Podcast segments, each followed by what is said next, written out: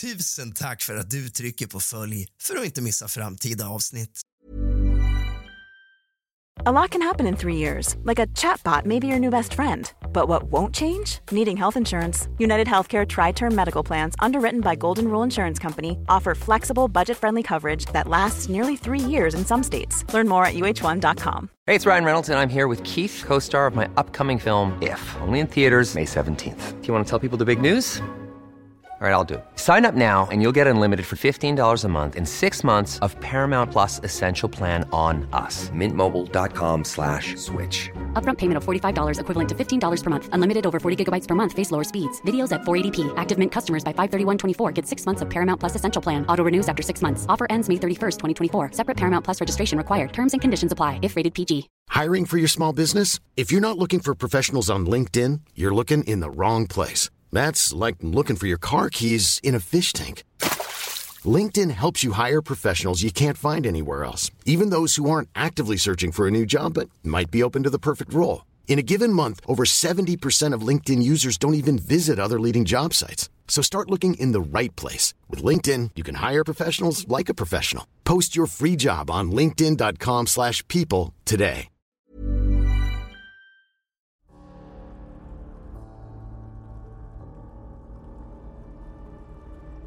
God afton din lilla fegis och kallt välkommen tillbaka ska just du vara till kusligt, rysligt och mysigt. Den här veckan är kusligt, rysligt och mysigt som bekant på lite semester i Sälen och arbetar på nytt content till er. Så att den här veckan har jag klippt ihop det bästa för dig att ta del utav och varje dag är det ett nytt tema som står på tapeten. Först ut var mord och sen fortsätter vi. Idag ska du få ta del av ännu ett avsnitt. Vill du sponsra podden via Swish så får man jättegärna göra det. 076 833 1412. På så vis så hålls podden gratis och inga medlemssidor behövs där det bjuds på exklusivt content för medlemmar. Sätt dig ner din fegis med någonting varmt att dricka. För nu börjar dagens avsnitt av kusligt, rysligt och mysigt. Tack för att du trycker på följ för att inte missa framtida avsnitt. God afton din lilla fegis och kallt välkommen tillbaka ska just du vara till kusligt, rysligt och mysigt. Idag bjuder jag dig på ett lite annorlunda avsnitt. Idag ska vi tala om en människa som rent ut sagt var sjuk i huvudet. Idag ska vi tala om en rockstjärna, fast kanske lite mer underground. Idag ska vi tala om Gigi Allen. Hämta lite sällskap, någonting varmt och gott att dricka. Släck alla lampor och tänd alla ljus. För nu börjar dagens avsnitt av kusligt, rysligt och mysigt.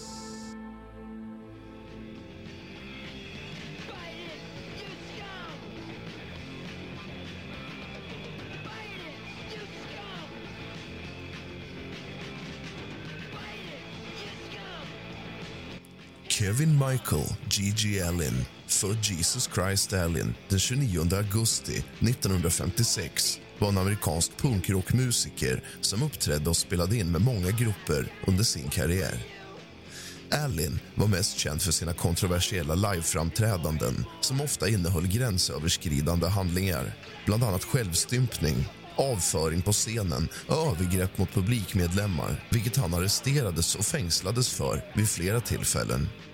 All Music kallade honom för den mest spektakulära degenererade i rock'n'roll-historien medan G4 TV's That's Tough betecknade honom som den tuffaste rockstjärnan i världen.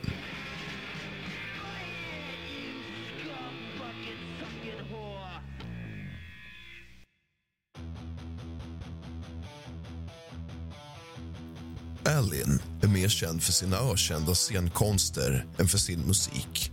Men han spelade in många skivor, inte bara i punkrockgenren utan även i spoken word, country och mer traditionell rock. Hans texter uttryckte ofta teman som våld och misantropi. Allins musik var ofta dåligt inspelad och producerad fick begränsad distribution och möttes mestadels av negativa recensioner från kritiker även om han bibehöll en kultföljelse under och efter sin karriär. Allen lovade i flera år att han skulle ta livet av sig på scen under sin livekonsert men han dog istället av en oavsiktlig överdos av droger den 28 juni 1993, 36 år gammal. Allin föddes som Jesus Christ Allin på Weeks Memorial Hospital i Lancaster, New Hampshire som den yngre av två söner till Merle Colby Allen Sr och Arlita Gunther. Han fick detta namn eftersom hans far berättade för sin fru att Jesus Kristus hade besökt honom och sagt att hans nyfödda son skulle bli en stor man i Messias ådra, ironiskt nog. Under den tidiga barndomen kunde Allins äldre bror Merle Jr inte uttala Jesus ordentligt och kallade honom för JJ, vilket blev Gigi. Allins familj bodde i en timmerstuga utan rinnande vatten eller elektricitet i Grovetown, New Hampshire. Hans far var en missbrukare, religiös fanatiker och hotade sin familj med döden grävde gravar i deras källare och hotade att fylla dem inom en snar framtid. I en skrivelse med titeln The first ten years skrev Allen att Merle Senior ville döda sin familj i ett mordsjälvmord. Han föraktade nöjen och tillät sin familj väldigt lite kontakt med andra. De levde en primitiv tillvaro och var mest som fångar mer än en familj. Allen uppgav också att hans mor försökte fly innan hon ansökte om skilsmässa men när Merle Senior omintetgjorde försöket genom att kidnappa Allen Allen sa att han var glad över att få uppleva en sån uppfostran och att det gjorde honom till en krigarsjäl vid tidig ålder. 1961 ansökte Arletha om skilsmässa från Merle Senior eftersom hans mentala instabilitet förvärrades. Allen och hans bror uppfostrades från och med den tiden av sin mor och styvfar och bosatte sig 1966 i East St. Johnsburg i Vermont 1966. Allen, som var en dålig elev, placerades i specialklasser och fick gå om tredje klass. Enligt sin äldre bror upplevde han mobbning av kamrater för sin avvikelse. Under sitt andra år i gymnasiet började han gå i skolan i kvinnokläder vilket han sa var inspirerat av New York Dolls. När Allen fick frågan om sin barndom sa han att den var väldigt kaotisk, full av chanser och faror. Han sa att de sålde droger, stal och bröt sig in i hus och bilar. De gjorde vad de ville för det mesta, inklusive alla band de spelade i. Folk hatade dem, till och med på den tiden. Allins tidigaste musikaliska influenser var 1960-talets British Invasion-band däribland Motte Hoople och Dave Clark Five. I början av 1970-talet blev Alice Cooper ett viktigt inflytande för Allin. Allins tidigaste inspelade musikaliska insatser var som trummis han skrev också de flesta av sina låtar på en akustisk gitarr. I mitten av tonåren bildade han och hans äldre bror Merle som spelade basgitarr sitt första band, Little Sisters Date, som varade i lite mer än ett år. Gruppen spelade låtar av Aerosmith, Kiss och andra populära rockband från den tidsperioden. Både Allen och Merle fick ett starkt intresse för punkrock. Ramones, MC5 och Stooges var viktiga influenser för Allen han tog examen från Concord High School i Concord, Vermont 1975 och bildade kort därefter bandet Malpractice tillsammans med sin äldre bror, den lokala musikern Jeff Penny och Brian Dermus. Allen spelade trummor i Malpractice till bandet splittrades 1977. Från september 1977 till april 1984 var han frontfigur för Jabbers Allins debutalbum från 1980 var Always Was, Is Always and Shall Always Be för Orange Records. Förutom att sjunga spelade han trummor på de flesta spåren. Det skulle återutges för första gången på CD 1995 av Haileycon Imprint. Vid ett tillfälle fungerade branschveteranen och Dead Boys-producenten Jenny Ravan som hans manager. Spänningen inom Jabbers ökade i takt med att Allen blev okontrollerbar, kompromisslös och elak. Jabbers upplöstes våren 1984. Deras näst sista spelning var förband för Charged, GBH.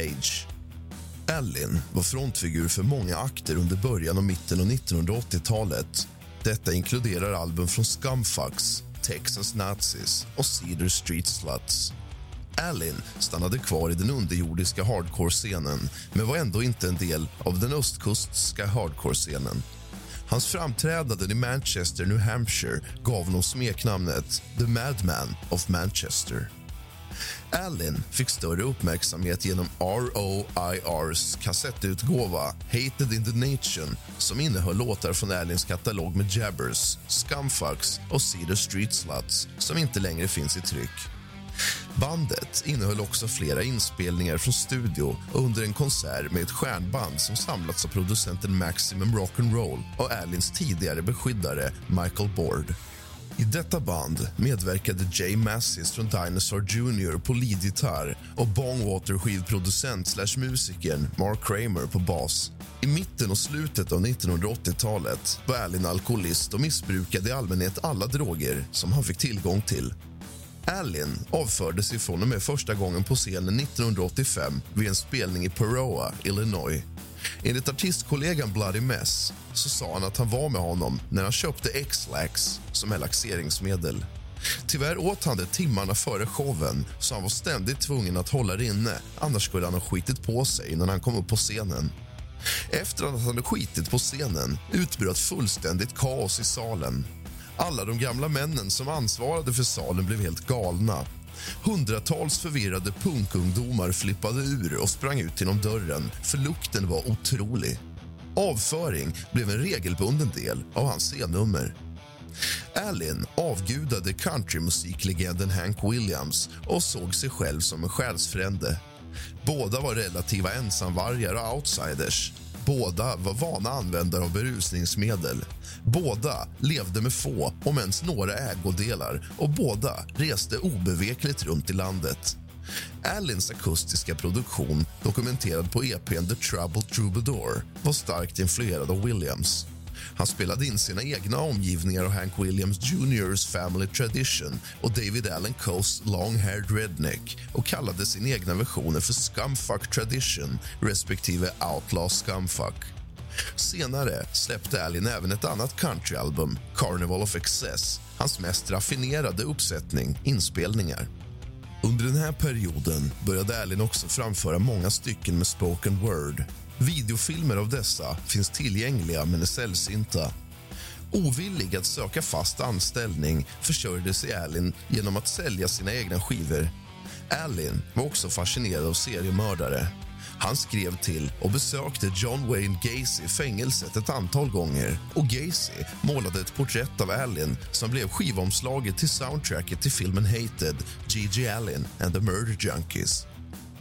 Vid det här laget stoppades Allens framträdanden som ofta resulterade i betydande skador på lokaler och ljudutrustning regelbundet av polis och lokalägare och efter bara några låtar så stoppades ofta konserterna.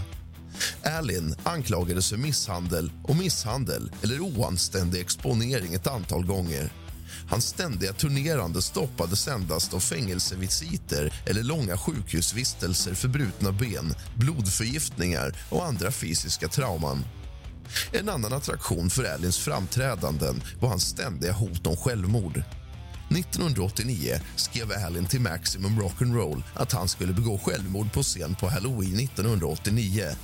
Han satt dock i fängelse när den dagen kom han fortsatte sitt hot varje följande år men hamnade i fängelse varje följande halloween. När han fick frågan varför han inte fullföljde sina hot svarade Alin med Gigi får man inte vad man förväntar sig, man får vad man förtjänar.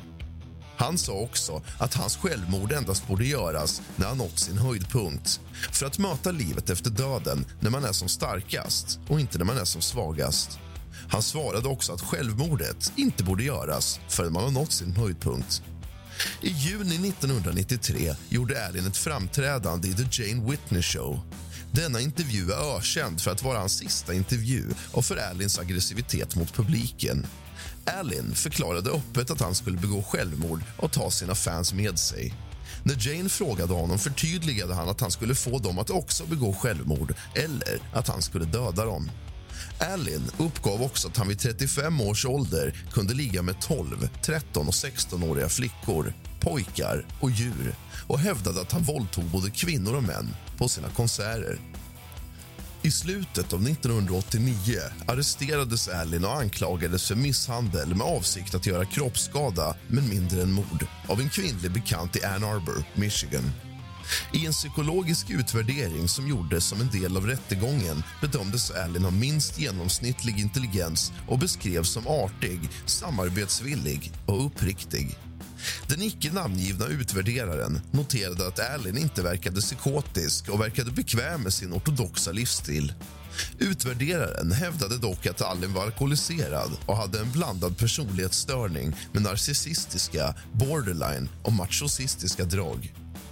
Allen förnekade inledningsvis anklagelserna och hävdade att kvinnan var en villig deltagare i deras sexuella aktiviteter.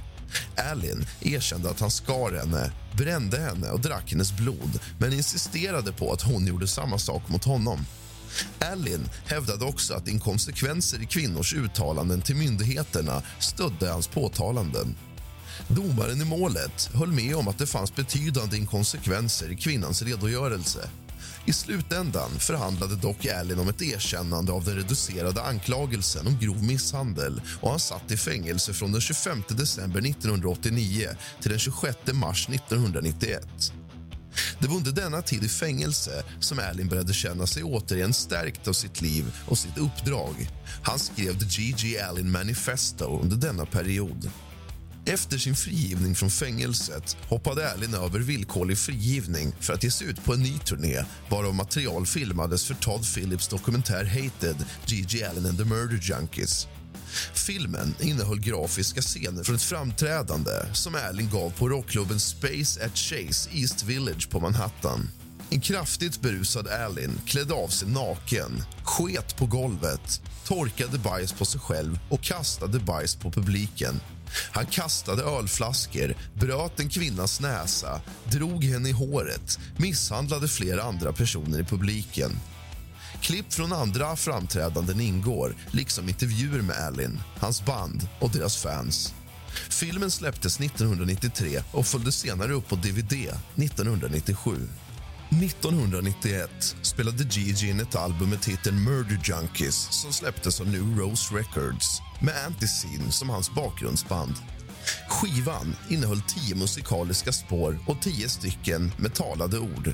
Förutom Freaks, Faggots, Drunks and Junkies ansåg Allen att detta album var det som mest exakt beskrev hans personlighet och uttalade livsfilosofi. Det var också under denna period som Allen spelade in albumet War in my head, I'm your enemy som släpptes på Awareness Records och där bandet Shrink Rap medverkade. Just detta album består av ett 45 minuters spår som är ett collage av talade ordstycken huvudsakligen från samma inspelningar som Murder Junkies som Shrink Rap satte musik till. Allins växande ryktbarhet ledde till ett antal uppträdanden i olika tv-program. Geraldo, The Jerry Springer Show och The Jane Whitney Show. Vid tiden för sin död planerade Allen ett album med talade ord där han också nämnde något osannolikt som en Europaturné och talade entusiastiskt om dem timmarna före sin död. I mitten av 1980-talet blev Allen tillsammans med en tonårsflicka från Garland, Texas vid namn Tracy. Hon blev gravid med deras dotter Nico Ann som föddes den 13 mars 1986. Nico valde att ta avstånd från sin familj. Allen och Tracy gifte sig aldrig. Vid sin död var Gigi Allens flickvän Lisa Minkowski. De uppträdde tillsammans i The Jane Whitney Show 1993 Allen var självutnämnd extrem individualist och misantrop och förespråkade laglöshet och våld mot poliser i många av sina texter. I hans skrivelse, The G.G. Allen Manifesto var tänkt att sammanfatta hans personliga filosofi.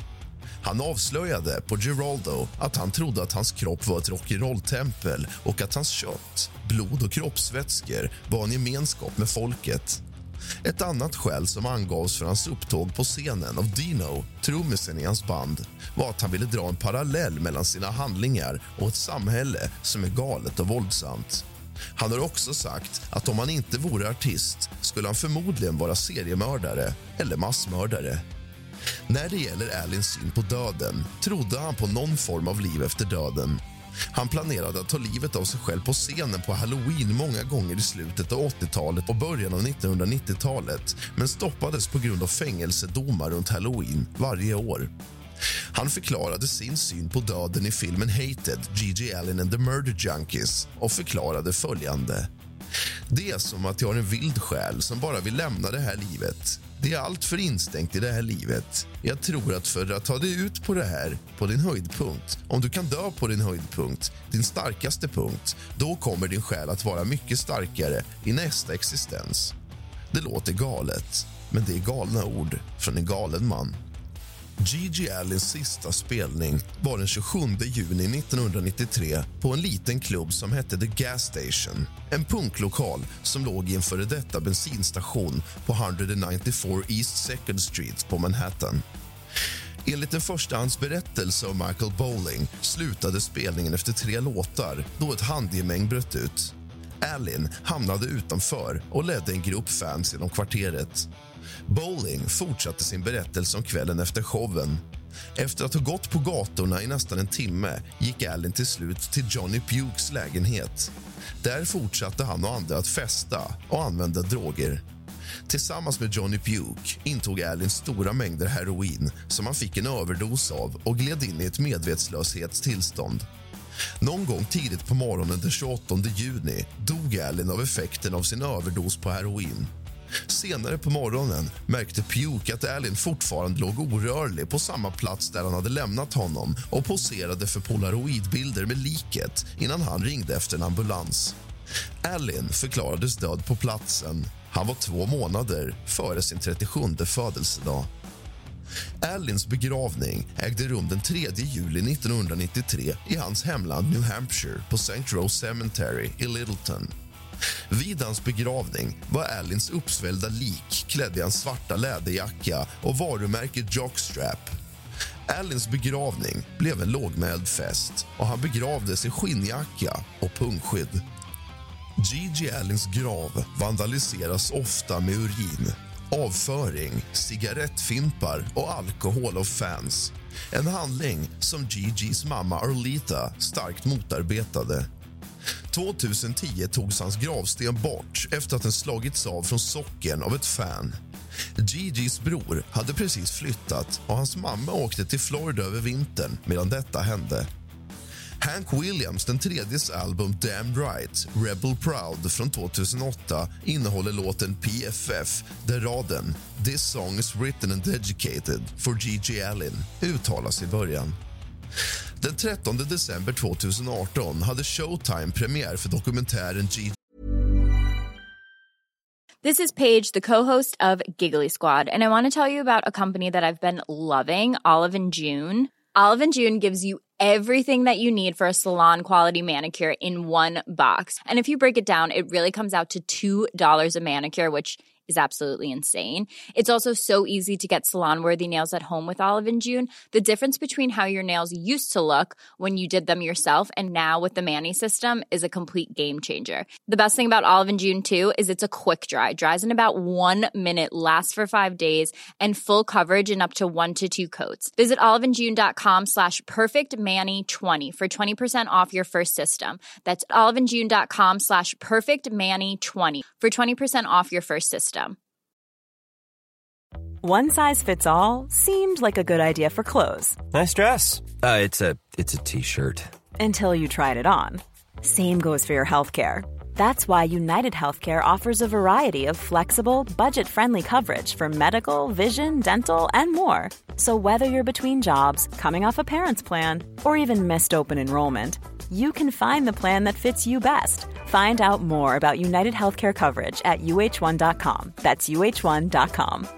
Ready to pop the question? The jewelers at BlueNile.com have got sparkle down to a science with beautiful lab grown diamonds worthy of your most brilliant moments. Their lab grown diamonds are independently graded and guaranteed identical to natural diamonds, and they're ready to ship to your door. Go to BlueNile.com and use promo code LISTEN to get $50 off your purchase of $500 or more. That's code LISTEN at BlueNile.com for $50 off. BlueNile.com code LISTEN.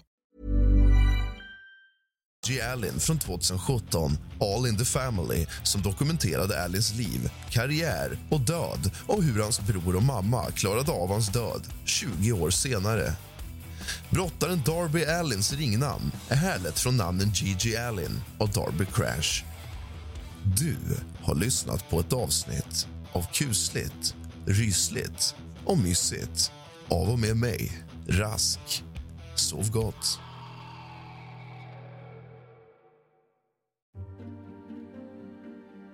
Nancy Spangen knivhöggs till döds på Chelsea Hotel i New York 1978 och än idag vet ingen vem som dödade Nancy. Ett citat av Nancy själv.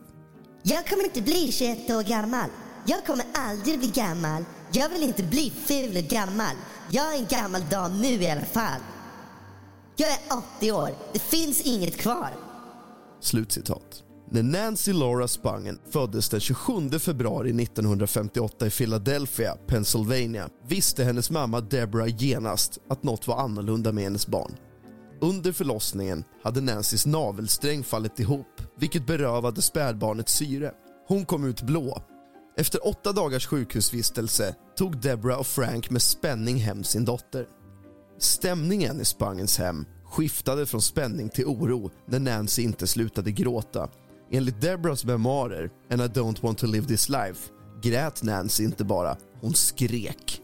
Och hon slutade inte. Deborah tog sitt barn till barnläkaren flera gånger. De försökte med olika lugnande metoder, bland annat att gråta ut. Men ingenting fungerade. Och när Nancy var tre månader gammal skrev läkaren ut fenobarbital, bara några droppar på hennes tunga vid behov.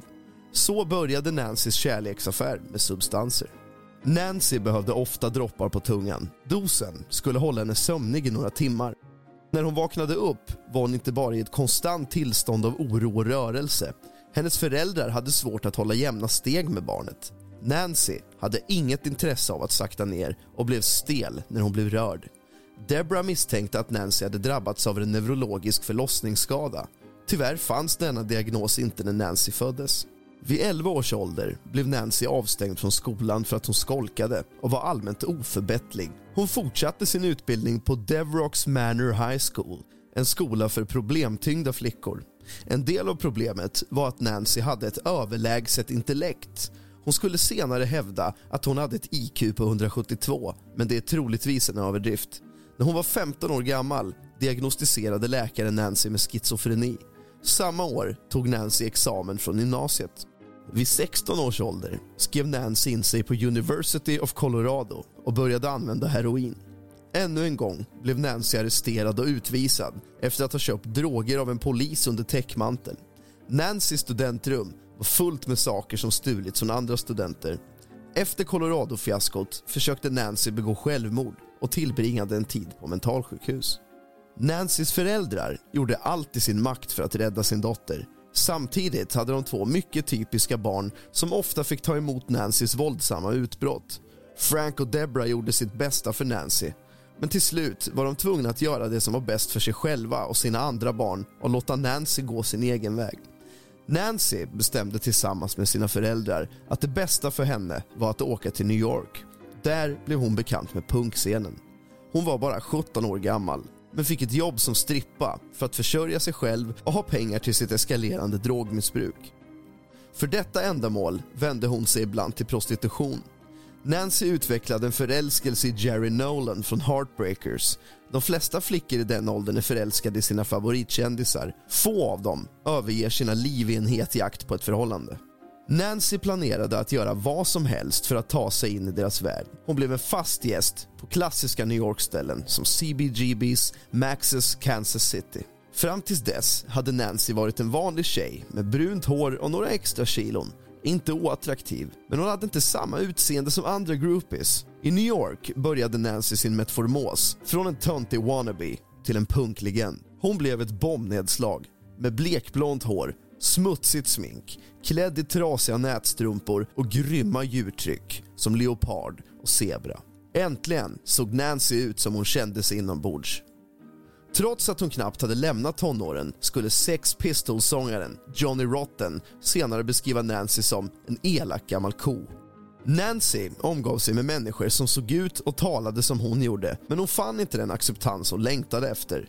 New York-publiken tyckte att Nancy försökte för mycket och att hennes personlighet var för intensiv till den grad att de mådde illa av henne. Och hon kallades ofta “nauseating Nancy”. När Heartbreakers åkte till London följde Nancy med. Olyckligtvis för henne gjorde Jerry Nolan det fullständigt klart att han inte var intresserad av henne. Nancy tyckte mycket om att vara en del av Londonpubliken och hon bestämde sig för att stanna ändå. Nancy var allt som en typisk punkrockare var. Oberäknelig, aggressiv, egensinnig och benägen att ta till våldsamma anfall. Punkscenen i London bad aldrig Nancy att sluta rasa mot livet. De accepterade henne inte heller helt och hållet. Hon hade inte samma grymma och fattiga uppväxt som hennes brittiska motsvarigheter hade.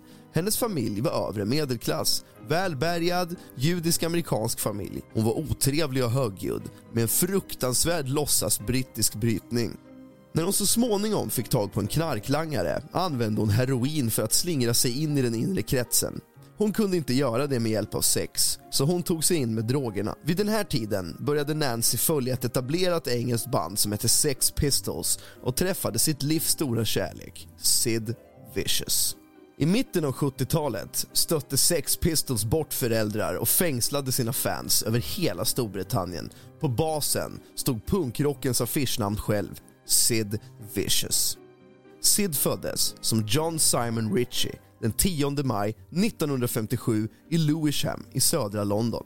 Sids barndom stod i stark kontrast till Nancys. Sids far var vakt vid Buckingham Palace och hans mor var en knarksmugglande hippie vid namn Anne. Nancys föräldrar tillbringade hennes unga år med att aktivt försöka rädda hennes liv. Sids pappa försvann och hans mamma tog med honom på resor till Spanien där hon gömde hasch i hans blöja för att smuggla det över gränsen. När Sid var tonåring var mamman mer en drogkompis för Sid än en mamma. När ödet såg till att Sid och Nancys vägar korsades innebar det döden för dem båda. De flesta av bandmedlemmarna föraktade Nancy men Sid tyckte att hennes äkthet och grusighet var tilltalande. Han var redan lika mycket knarkad som Nancy och paret blev förenade vid höften. Vid midsommar flyttade de in i Sids mammas lägenhet tillsammans Sid och Nancy utvecklade ett passionerat förhållande som var späckat med våldsamheter och övergrepp från båda parter. Trots detta lärde Nancy Sid om att älska och konsten av att vara elak. Sid tog fram en egenskap hos Nancy som förbryllade dem och kände henne bäst. Hon blev omhändertagande på sitt eget förvridna sätt. Sex Pistols turné i Amerika började i början av 1978. Deras manager Malcolm McLaren klargjorde att Nancy inte var välkommen och hon var rasande. Nancy var personen non grata bland Sids vänner och hon kände ingen annan. Folk tolererade Nancy bara för att Sid var i närheten och nu var han i hennes hemland och hon i hans. Sid tyckte först inte mycket om USA. Det var tråkigt. Deras manager bokade in dem på skitställen och osannolika platser där det inte fanns någon publik som ville se dem. Cowboybarer, mitt ute i ingenstans. Malcolm lät bandet turnera i den djupa södern, bibelbältet och Texas för att slutligen hamna i San Francisco. Deras amerikanska publikgrupper var inte helt redo för det ångestfyllda, förvrängda ljudet som bandet gjorde sig känt för i Storbritannien. Hela turnén var en serie skitföreställningar som ofta slutade i slagsmål. När de kom till västkusten hade Sid hittat det enda han uppskattat i USA, riktigt bra heroin. Sids missbruk blev en öm punkt för hans bandmedlemmar som var förvånansvärt rakryggade i detta avseende. Utan Nancy i närheten var de tvungna att sitta barnvakt åt Sid och bara det var ett heltidsjobb. Sex Pistols spelade sin sista spelning den 14 januari 1978 på Winterland Ballroom i San Francisco. Sid, som aldrig kunde spela sitt instrument, dök upp högljudd och arrogant. Sångaren Johnny Rotten avslutade abrupt konserten med en fråga. Har du någonsin fått en känsla av att du har blivit lurad? och stormade av scenen. Sex Pistols upplöstes officiellt kort därefter. Nancy utsåg sig själv till manager för Sid, soloartist som hans manager trodde hon att Sid skulle få mer jobb i USA än i England. Hon försökte ge honom ett nytt varumärke och hon gjorde inget dåligt jobb. Sid kunde inte spela bas, men han kunde spela en melodi. Sid och Nancy flyttade in i rum 100 på Chelsea Hotel. tidigare hemvist för storheter som Arthur Miller och Mark Twain. Rummet blev både deras kärleksnäste såväl som en knarkhåla där alla stans langare och missbrukare samlades. De hittade en metadonklinik och tog sin medicin. Tyvärr slutade de inte att ta gatudroger, inklusive heroin och andra opiater.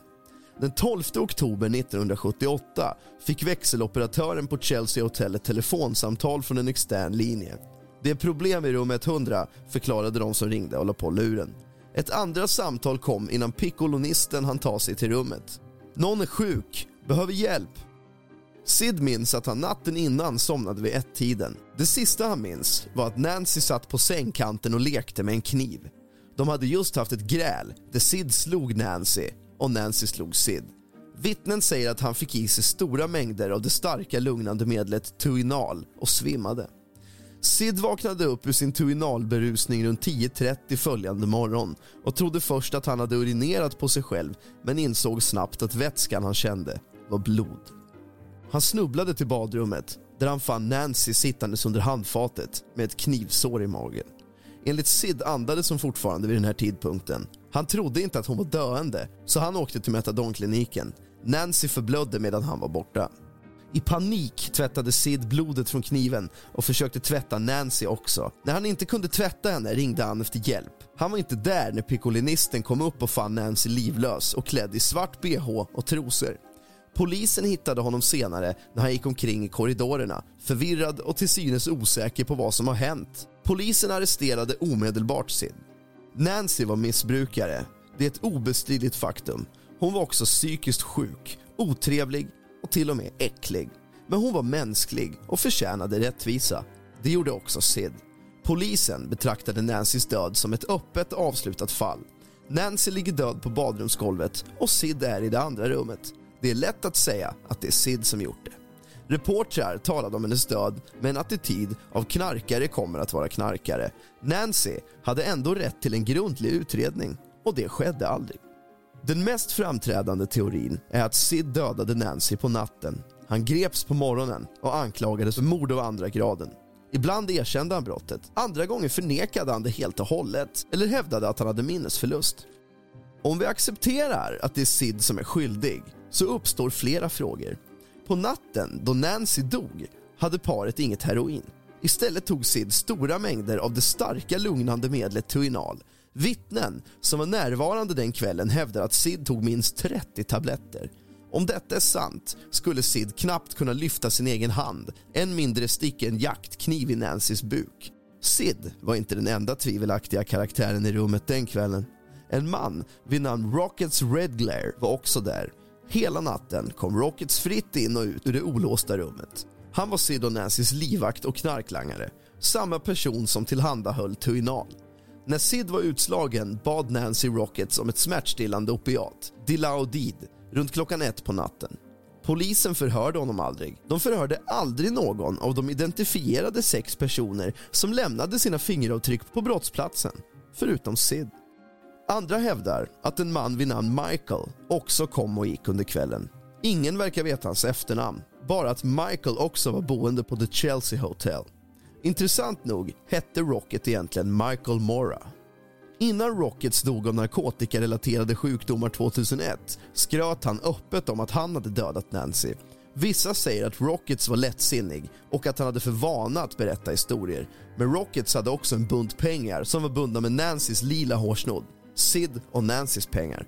Så mycket som 25 000 dollar som saknades oförklarligt när Nancy dog. Alla som kände Nancy visste att hon var på en dödsresa. Hon hävdade ofta att hon skulle dö ung, före 21 års ålder. Kan det vara så att Nancy knivhögg sig själv? Denna teori låter extrem, men Nancy var en intensiv person med en historia av självskadebeteende. Under tonåren förde Nancy en gång in en klädhängare i sin vagina med tillräcklig kraft för att punktera hennes livmoder eftersom hon felaktigt trodde att hon var gravid. Nancy gjorde flera självmordsförsök och några av dem lyckades nästan. Mot bakgrund av dessa fakta kan Nancy ha orsakat ett enda knivhugg i buken och dött. Nancy kunde ha räddats den kvällen om någon hade haft sinnesnärvaro nog att hjälpa henne. Hon blödde långsamt i flera timmar innan skadan blev dödlig. Under denna tid hävdar grannar att de hörde stön från rummet. Men detta var Sid och Nancys ställe. Stönande skulle vara en välkommen omväxling från det skrikande bråk och älskog som de vanligtvis hörde. Varför skrek inte Nancy? Hon har skrikit och bråkat ända sedan barnsben. Istället strövade Nancy efter knivhuggningen runt i det lilla rummet. Hon ropade inte på hjälp och försökte inte väcka Sid. Tyvärr kommer vi aldrig få veta vem som dödade Nancy Spangen. Sid dog vid 21 års ålder den 2 februari 1979 av en överdos heroin när han var ute mot borgen. Om han hade levt och gått till rättegång hade han kunnat bli frikänd från brottet eftersom det inte fanns tillräckligt med utredningar och alldeles för många variabler. Idag tänker fansen på Sid och Nancys historia som en romantisk berättelse som påminner om Romeo och Julia. Men det finns inget romantiskt med att dö en långsam, undvikbar död. Nancys familj gjorde allt de kunde, men missbruket vann ändå. Det fanns en bristande medvetenhet inom läkarkåren på den här tiden när det gällde psykiskt sjuka barn, skador vid födseln och behandling av missbruk. Vi har kommit en lång väg, men det hjälper inte Nancy. Hon var bara 20 år gammal. Nancy är begravd i en familjegravplats i King David Memorial Park. När Sid dog bad hans mamma att få sprida sin sons aska på Nancys grav.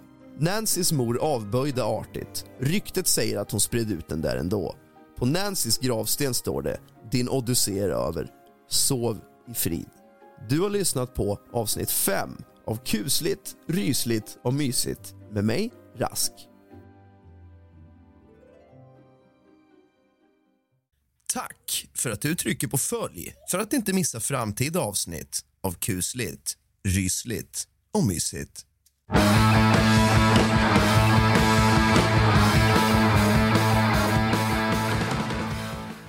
Han spenderade bara 21 år på jorden och han har varit död i hela 43 år. Men trots det har nog de allra flesta hört legenden om Sid Vicious eller historien om Sid and Nancy. Men vem var egentligen Sid Vicious? Dagens avsnitt ska handla om punkhistoriens absolut största legend någonsin. Live fast, die young. Och så blev det också.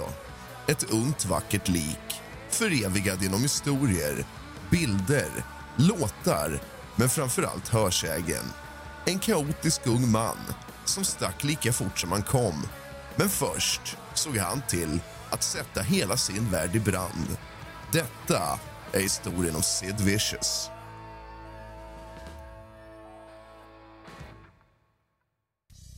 John Simon Ritchie föddes den 10 maj 1957 i Lewisham som son till John och Ann Ritchie. Ann hade hoppat av skolan och gått med i brittiska armén där hon träffade Ritchies far som var vakt vid Buckingham Palace men även en halvprofessionell trombonist på Londons jazzscen. Kort efter att Ritchie föddes flyttade han och hans mor till Ibiza där de väntades få sällskap av hans far som aldrig dök upp och aldrig heller gav dem något ekonomiskt stöd. Anne fick sälja marijuana för att klara sig. Med hjälp av den brittiska ambassaden i Spanien återvände Anne till England och bosatte sig i Turnbridge Wells. Där skrev hon in sig och sin son, som kallades John, i Sandown Court School. 1965 gifte sig Anne med Christopher Beverly som dog sex månader senare av njursvikt. Anne och John bodde kortvarigt i Bristol och Clevedon där John gick i Clevedon School. År 1971 flyttade paret till Stoke, Newington i Hackney i östra London där John gick på Clissold Park School och det var vid den här tiden som han började använda sig av namnet John Beverly. 1973 var Anns liv uppslukat av hennes beroende av heroin och opiater till den grad att hon inte visste att hennes son gick på Westminster Kingsway College och var en samhälls och yrkesskola för elever med svårigheter. När John gick på Kingsway uppgav han för en rådgivare att han funderade på självmord. Det fanns också påståenden om att han torterade och dödade katter. När John fyllde 16 år samma år sparkade Anne ut honom ur sitt hem. Anne var inte intresserad av att ta hand om honom. 1973 träffade han en annan elev från Kingsway, John Lydon som presenterade honom för sina vänner John Gray och John Wardle. Alla fyra blev lokalt kända som The Four Johns. De slutade skolan och började husockupera på olika dystra platser. Tre av de fyra Johns skulle sen få smeknamn Lydon gav Beverly smeknamnet Sid Vicious efter att Beverly blivit biten av Lydons hamster som hette Sid uppkallad efter Sid Barrett, Lydons bandkamrat. Gitarristen Steve Jones gav honom namnet Johnny Rotten och Sid gav Wardle smeknamnet Ja Wobble. De fyra unga männen började umgås på Kings Road i Chelsea i London som vid den tiden var epicentrum för swing in London, där musik och mode blomstrade. En favoritplats var Malcolm McLaren och Vivienne Westwoods klädbutik Sex. Där träffade Vicious amerikanska utlandsboende Chrissy Hind innan hon bildade sin grupp The Pretenders som enligt uppgift försökte övertyga Vicious att gå med i ett skenäktenskap så att hon kunde få ett arbetstillstånd. Enligt Lydon började han och Vicious spela. Vicious spelade tamburin, de spelade Alice Cooper-covers och folk gav dem pengar för att de skulle sluta. 1975 anslöt sig Lydon till Jones, Glenn Matlock och Paul Cook för att bilda bandet Sex Pistols. Vicious fotograferades när han såg bandet attackera sin publik på Nashville Rooms i Kensington 1976. Vicious inledde sen sin musikaliska karriär.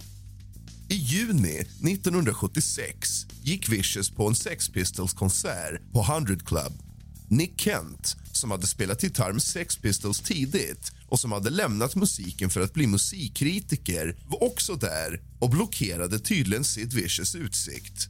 Vicious, som var hög på amfetamin piskade Kents huvud med en rostig motorcykelkedja som han hade med sig. Incidenten rapporterades i tidningarna, men inga åtal väcktes. Även om låtarna de skrev senare skulle framföras av andra band så uppträdde Sid Vicious band inte live och spelade aldrig in någon musik. Men Vicious kom dock att uppmärksammas av medlemmarna i The Damned. Han övervägdes för posten som deras sångare, men Vicious kom aldrig till provspelningen. Vicious menade att de avsiktligen hade undanhållit information om provspelningen för att se till att han skulle missa den. Den 20 september 1976 uppträdde Sid Vicious med Susie and the Banshees och spelade trummor vid deras första spelning på 100 Club Punk Special på Oxford Street i London. Dagen därpå gick Vicious för att titta på ett framträdande av The Damned. Berusad och hög på amfetamin kastade han sitt glas mot scenen och försökte träffa en av bandmedlemmarna, men han missade. Glaset krossades mot en pelare, splitter flög överallt och gjorde en kvinna blind på ena ögat. Vicious greps och fängslades.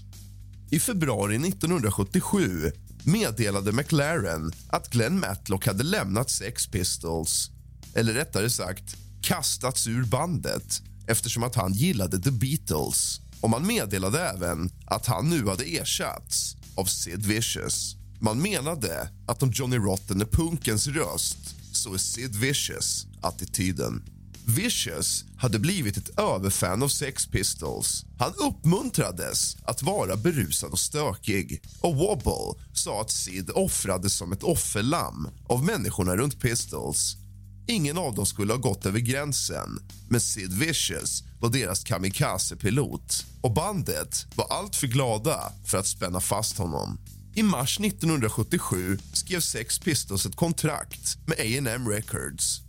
För att fira detta förstörde de företagets kontor och höll sen en privat fest på Speakeasy, en klubb och restaurang som besöktes av etablerade medlemmar av Londons punkscen.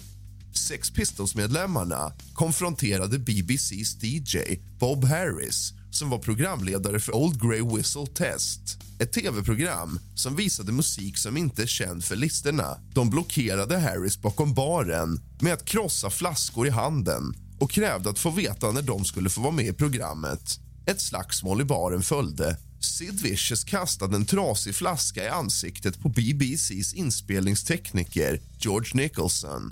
Harris räddades av Procol Harums och deras vägpersonal som samlades runt honom och eskorterade honom ut ur klubben där de upptäckte att polisen hade varit tvungna att spärra av hela kvarteret. Ingen av Sex Pistols arresterades men nästa dag släppte A&M dem och Capital Radio förbjöd all Sex Pistols musik från sina stationer. Vicious spelade sin första spelning med Sex Pistols den 3 april 1977 på The Screen on the Green.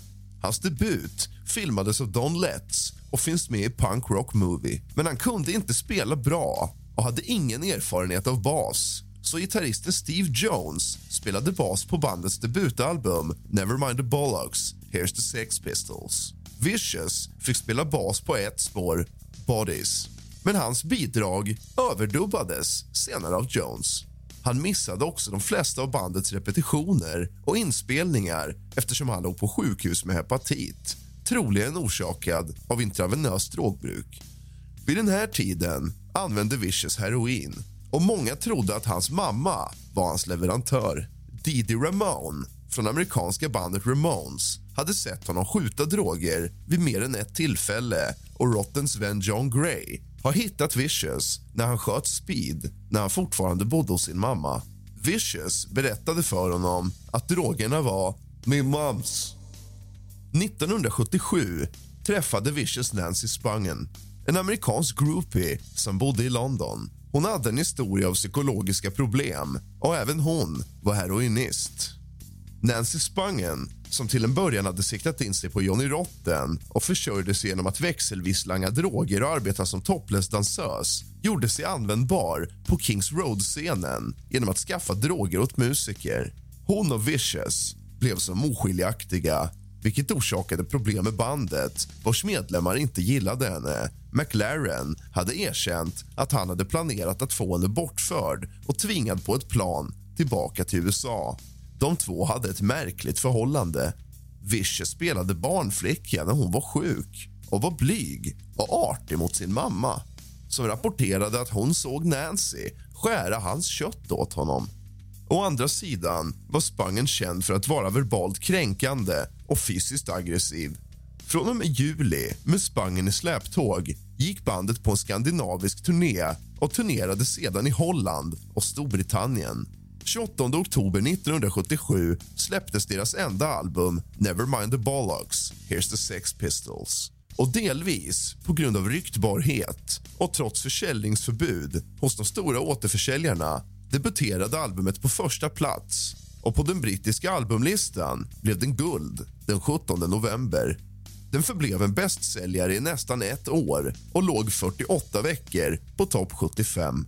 Det anges ofta som det mest inflytelserika punkalbumet genom tiderna. I januari 1978 gav sig Sex Pistols ut på en tvåveckors turné i USA. Det fanns stigande spänningar inom bandet. Rotten pratade knappt med någon. Warner Brothers, som organiserade och bemannade turnén insisterade på att Vicious skulle rensa upp sitt heroinmissbruk så han gick på metadon. Han befann sig i ett konstant tillstånd av halvt abstinens och var rasande över att bandet hade hindrat Spangen från att följa med på den här turnén. McLaren hade länge hållit Vicious på en ranson på 14 dollar i veckan men han lyckades ändå hitta droger. För att göra saken ännu värre bokade McLaren, som alltid var ivrig efter mer kaos och noga med att journalisterna var på plats, bandet inte till klubban i New York utan till barer i Louisiana, Georgia, Tennessee och Texas. I San Antonio den 8 januari kände sig Vicious retad av en publikmedlem och slog därför honom i huvudet med sin bas. Innan Sex Pistols intog scenen på Longhorn Ballroom i Dallas den 10 januari ristade Vicious in orden “Give me a fix” i bröstet med en rakhyvel. Han hälsade på publiken genom att kalla dem cowboybögar. I gengäld fick han burkar med öl i huvudet. Nästa kväll, den 11 januari, slog han hål på Greenrooms vägg efter bandets spelning på Kanes Ballroom i Tulsa. Det ryktades länge att vid deras spelning den 14 januari på Winterland Ballroom i San Francisco brydde sig Vicious inte om att koppla in sin bas. Den 10 januari gick Vicious ombord ett plan från San Francisco till New York. När planet landade på JFKs flygplats hade han hamnat i koma orsakad av diazepam, metadon och alkohol och fördes till ett sjukhus i Queens där läkaren sa till honom att om han inte slutade dricka skulle han vara död inom sex månader. När han skrevs ut återförenades han med Nancy. I april reste de båda till Paris för att filma Sex Pistols mockumentary The Great Rock'n'Roll Swindle där de tillbringade det mesta av sin tid i hotellrum och tog droger. Regissören lyckades få Vicious att delta i produktionen tillräckligt länge för att spela in tre låtar. När Vicious återvände till sitt hotell upptäckte han att Nancy hade svarat genom att skära upp sina handleder. Paret reste sen till London där de i augusti behövde återvända till USA men inte hade några pengar. Han stötte på Glenn Matlock som vid denna tidpunkt hade grundat bandet Rich Kids och föreslog att de skulle spela en spelning tillsammans. För denna konsert rekryterade Vicious och Matlock Rich Kids gitarrist och sångare Steve New och Damn-trummisen Rat Scabbies. De kallade sig Vicious White Kids och uppträdde en gång på Electric Ballroom i Camden den 15 augusti 1978. Sid spelade inte bas i det här bandet. Han var sångare. Spangen var med på bakgrundssång men Matlock såg till att hennes mikrofon inte var inkopplad under konserten. Vicious och Spangen återvände sen till New York.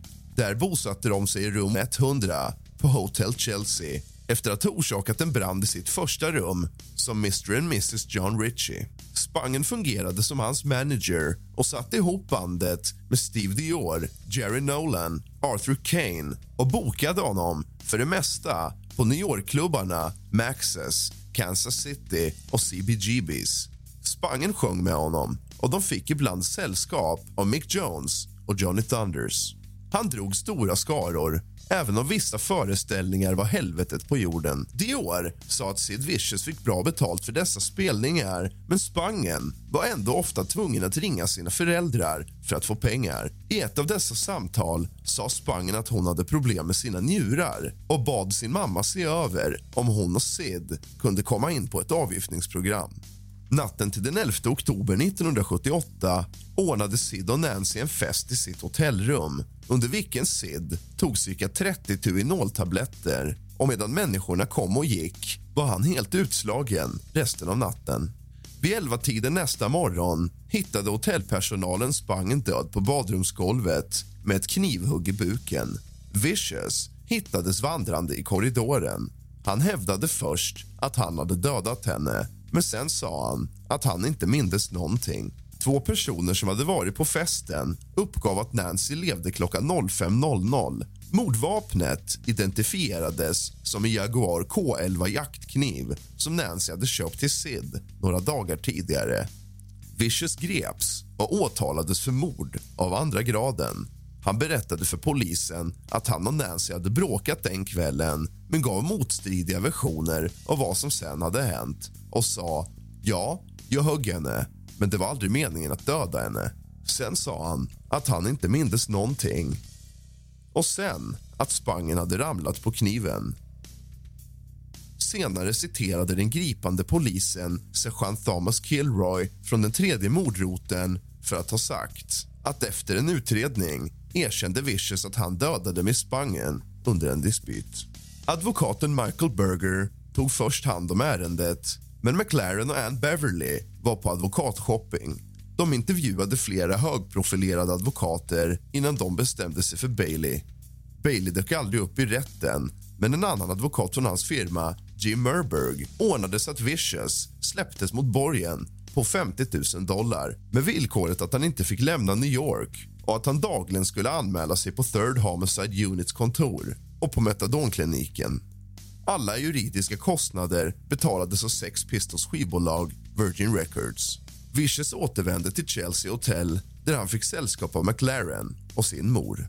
McLaren var fast övertygad om att Vicious var oskyldig med tanke på att kniven lämnades väl synlig för att paret förvarade sina kontanter i en låda. Han trodde att Spangen kom på en av festgästerna med att stjäla pengar och att hon knivhuggs av den personen. Med tanke på det antal personer som hade gått genom hotellrummet på mordnatten lät Bailey sina utredare utreda möjligheten att en tredje part var inblandad i Spangens död. Bailey anlitade också den rättspsykiatriska doktorn Steven Take för att utvärdera Vicious. Efter deras första samtal, under vilket Vicious var upptagen av arbetarklassen i Berlin och förblev fixerad vid tvn sa Take till Ann Beverly att Sid inte fick lämnas ensam. Några timmar senare ringde Beverly till Take och berättade att Sid hade skurit sig i armen med en krossad glödlampa. Take återvände till hotellet och ringde efter en ambulans. Ambulanspersonalen anlände tillsammans med polisen. När Sid såg dem gick han mot fönstret, men hindrades av Take. Han fördes till Bellevue Hospital, men flyttades sedan till ett annat sjukhus. Han släpptes ut den 26 november och återvände till Chelsea. Vid denna tid försökte Rotten kontakta Vicious men hans samtal spärrades av Beverly och McLaren. 28 november intervjuades Vicious av den irländska journalisten Bernard Clark. Han sa att Spangens död var menad att hända och att Nancy alltid sagt att hon skulle dö innan hon var 21. Han sa att han bara ville ha roligt. När han fick frågan var han ville vara svarade han under jorden. Under tiden meddelade McLaren att Sex Pistols skulle återförenas för att spela in ett julalbum till förmån för Sids försvar och sålde t-shirts med sloganen I'm alive, she's dead, jag är din. Vicious hade börjat träffa kvinnor igen. Den 5 december gick Vicious till en nattklubb och hade med sig en dejt och en livvakt. Vicious började under kvällen flörta med en kvinnlig roadie till bandet som spelade. Hon avvisade honom och han nypte henne. Någon sa åt honom att backa. Sid slog då sönder en ölflaska och tryckte in den i personens ansikte så att personen fick sys med fem stygn. Vittnen berättade för polisen att personen hade provocerat Sid och att flaskan gick sönder i hans hand. Den 7 december arresterades Vicious och anklagades för misshandel. Domaren höll med om att Vicious hade brutit mot villkoren för sin tidigare borgen och skickade honom till Rikers Island där han genomgick en tvångsavgiftning. Den 18 januari framträdde Vicious i rätten representerad av Jim Merberg. Till allas förvåning släppte domaren inte bara Vicious mot borgen på 10 000 dollar utan sänkte även hans tidigare villkor för Planning for your next trip? Elevate your travel style with Quince. Quince has all the jet setting essentials you'll want for your next getaway, like European linen, premium luggage options, buttery soft Italian leather bags, and so much more. And is all priced at 50 to 80% less than similar brands. Plus, Quince only works with factories that use safe and ethical manufacturing practices. Pack your bags with high-quality essentials you'll be wearing for vacations to come with Quince. Go to quince.com/pack for free shipping and 365-day returns.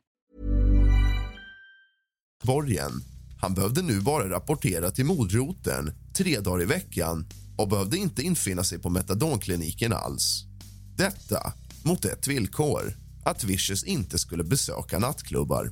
Den 18 januari framträdde Vicious i rätten representerad av Jim Merberg. På morgonen den 1 februari 1979 efter att ha avslutat sitt avgiftningsprogram släpptes Vicious från Rikers Island. När han anlände till Manhattan träffade han av en slump sin gamle vän Gravel. Vicious bad Gravel att hitta heroin åt honom. Gravel tog med sig droger till ett värde av 200 dollar till en lägenhet på 63rd Bank Street. Där träffades han och Vicious, Robinson, Beverly, Jerry Only från Misfits och Howie Pyro. Gravel sa att de satt på morgonen och tog droger och att han lämnade lägenheten vid tretiden på natten. Jerry Only sa att han och Ann Beverly lagade middag och att han gick tidigt, då drogbruket började. Han noterade då att Vicious redan höll på att nicka till men Gravel sa ändå att Robinson skulle ge honom fyra tabletter för att hjälpa honom sova. Vicious dog under natten av en drogöverdos. Robinson och Vicious mor upptäckte hans kropp nästa morgon. 1996 berättade en vän till Sid Vicious att ingen begravningsbyrå i hela New York var villig att hålla en begravning på grund av Vicious rykte. Det finns inga bevis för att det här scenariot är sant och det är högst osannolikt. Ann Beverly hävdade att Vicious och Spangen hade ingått en självmordspakt och att Vicious död inte var en olyckshändelse. Hon visade upp ett handskrivet brev som hon sa sig hade hittat i fickan på Sid Vicious skinnjacka där det stod vi hade en dödspakt och jag måste hålla min halva av avtalet. Var snäll och begrav mig bredvid min baby. Begrav mig i min läderjacka, jeans och motorcykelstövlar. Hej då. Enligt Deborah Spangen skrev Vicious ett brev till henne när han senare var inlagd på sjukhus och skrev ungefär samma sak. Han skrev att de alltid har vetat att de skulle till samma plats när de dog. Han skrev att de ville gärna dö tillsammans, i varandras armar. Hon säger att hon gråter varje gång hon tänker på det. De hade lovat varandra att ta livet av sig om något hände. Spangen var jude och begravd på en judisk kyrkogård i Pennsylvania. Eftersom en interreligiös begravning inte var möjlig kremerades Sids kropp på Garden State Crematory i New Jersey. Enligt Polk frågade Ann Beverly Deborah Spangen om hon kunde sprida Vicious aska över Nancys grav, men Spangen sa nej.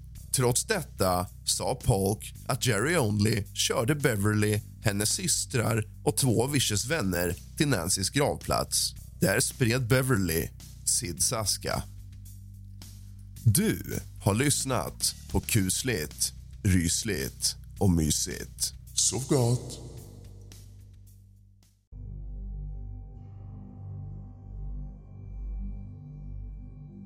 Vi går mot ljusare tider. Varje dag blir det ljusare och ljusare och snart är våren här. Men än så länge är det fortfarande vinter och än så länge finns det mörker att njuta av. Idag så tänkte jag dela med mig av mina personliga upplevelser av det övernaturliga.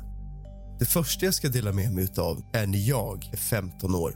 Jag älskar ett hårdrocksband som heter Crash Diet som är väldigt influerat av hårdrock från 80-talet. Deras sångare Dave Leppard begick tragiskt nog i januari 2006 självmord i sin lägenhet i Gottsunda i Uppsala. Jag var bekant med en tjej som bodde i Uppsala och den här tjejen kände sångarens familj på pappans sida. Så jag och en kompis bestämmer oss för att åka till Uppsala för att träffa dem. Vid den här tidpunkten har jag hunnit bli 17 år och det har gått ungefär ett år sedan Dave Leppard tog sitt liv. Efter att ha varit i Uppsala i ungefär en dag så frågar jag och min kompis om inte vi kan besöka Dave Leppards grav. Och de här tjejerna säger absolut, vi kan visa er vart det är någonstans. Så vi bestämmer oss för att gå dit. Vi kommer till graven och där står det ölburkar, spritflaskor, gitarrplektrum, bilder, brev, ljus, fullt med saker från fans som ville hedra sin idol. Vi satt på graven i säkert en timme och drack folköl och pratade och skrattade och pratade om Crash Diet och konserter vi hade varit på och gångerna vi sett och träffat Dave Leppard. Till slut så börjar vi prata om det övernaturliga och vi säger tänk om han hör vad vi säger nu. Så börjar vi prata och säger till honom att om du hör det här, visa oss ikväll att du har hört vad vi har pratat om. Gör vad som helst. Stäng av eller sätt på tvn. Tänd eller släck lampor eller väsnas eller på något sätt ge oss ett tecken att du har hört och varit här med oss idag. Vi skrattar lite grann och tänker att det blir väl ingenting med det där. Tji fick vi.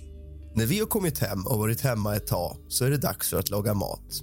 Maten äts upp och vi sitter och pratar om allt annat än vad som har hänt under dagen. Vi har släppt det helt. Det är inte ens en tanke i våra huvuden längre. Och efter maten sätter vi oss alla i soffan för att titta på film. Vi sätter på en film. Vad tror ni händer i halva filmen? Tvn stängs av. Tvn sätts på igen och tvn stängs av. Tvn sätts på igen och kanaler byts. Fjärrkontrollen är vi övertygade om att det är någon som har att jävlas ända fram tills att vi ser att den ligger mitt på vardagsrumsbordet. Vi skrattar nervöst och blir livrädda och tjabblar bort det och tänker att det är säkert tekniken som strular och så vidare. Men alla vet ju vad vi sa tidigare under dagen. Väl vid läggdags, mitt i natten, så har vi alla en riktigt olustig känsla i kroppen men vi skojar ändå och försöker lätta på stämningen och beter oss som skitunga gör.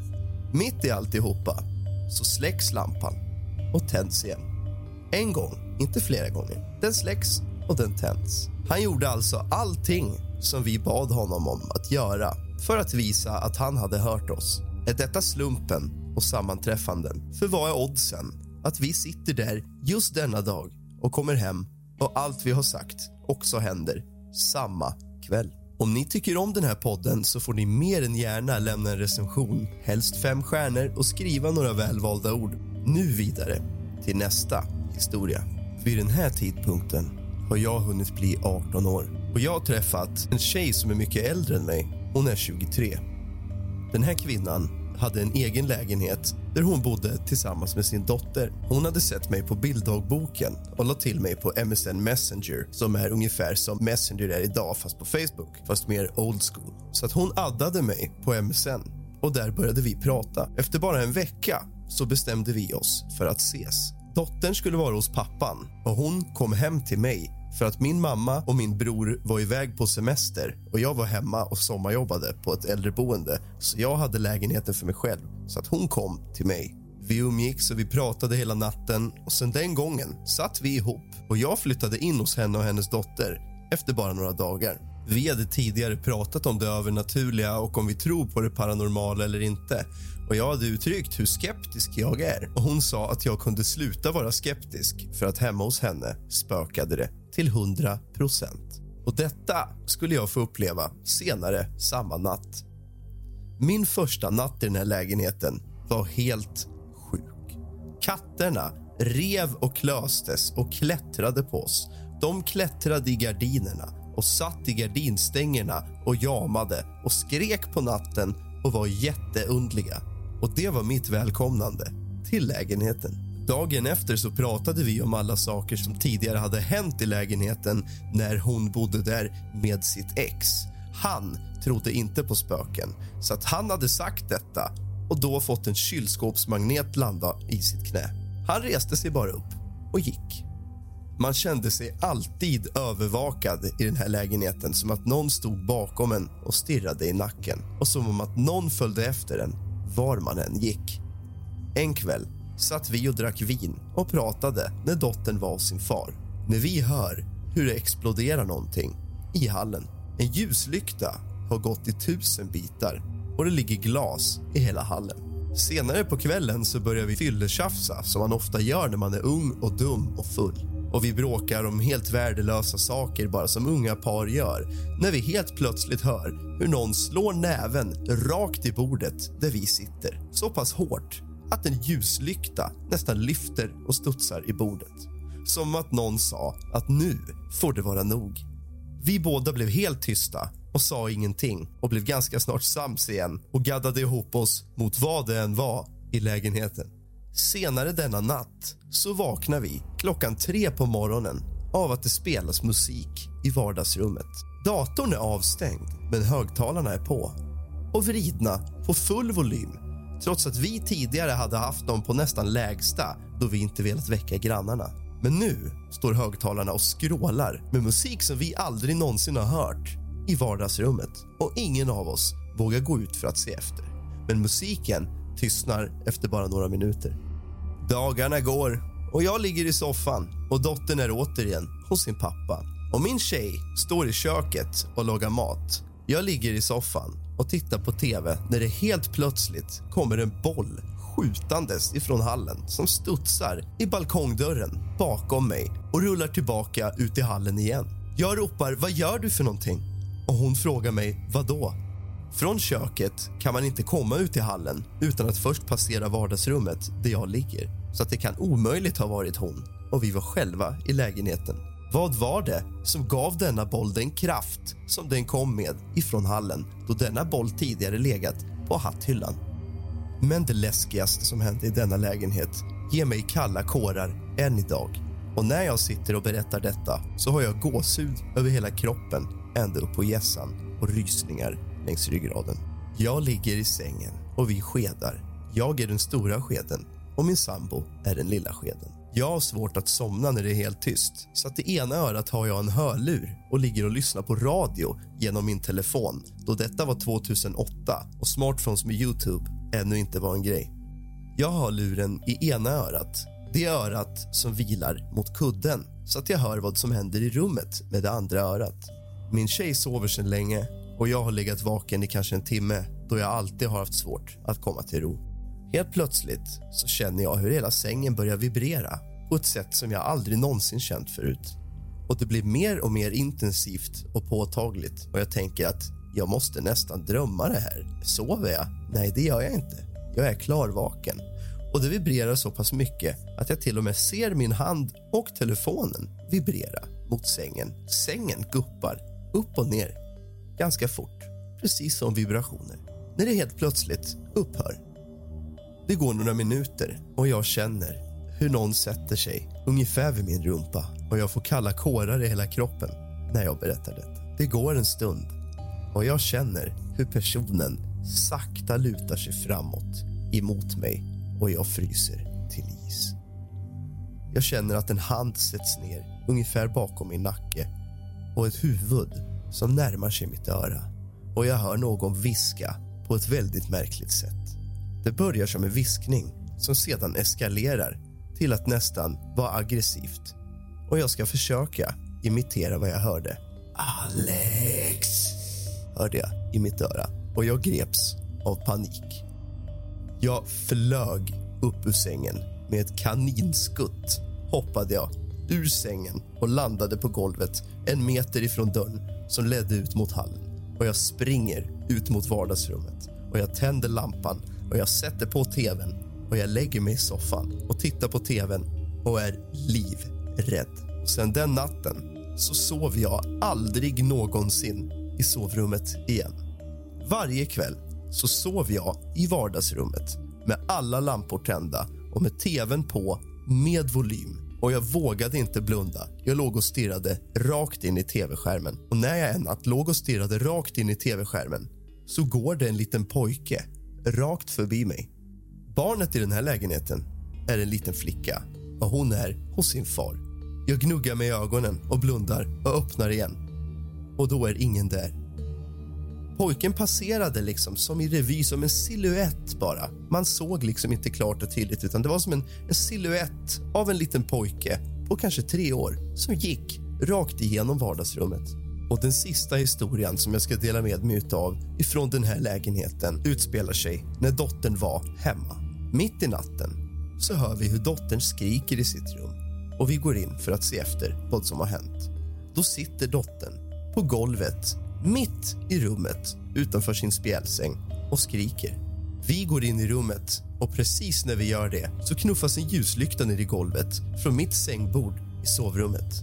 Jag har svårt att tro att alla dessa saker har naturliga förklaringar och efter alla dessa år kan jag fortfarande inte hitta ett svar på vad det kan ha varit.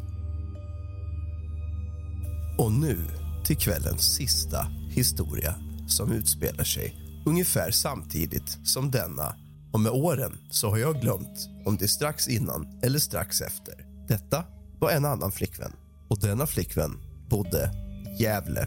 Vi hade träffats på ett internetforum som hette Helgon som är ungefär som Lunarstorm fast för hårdrockare och alternativa människor.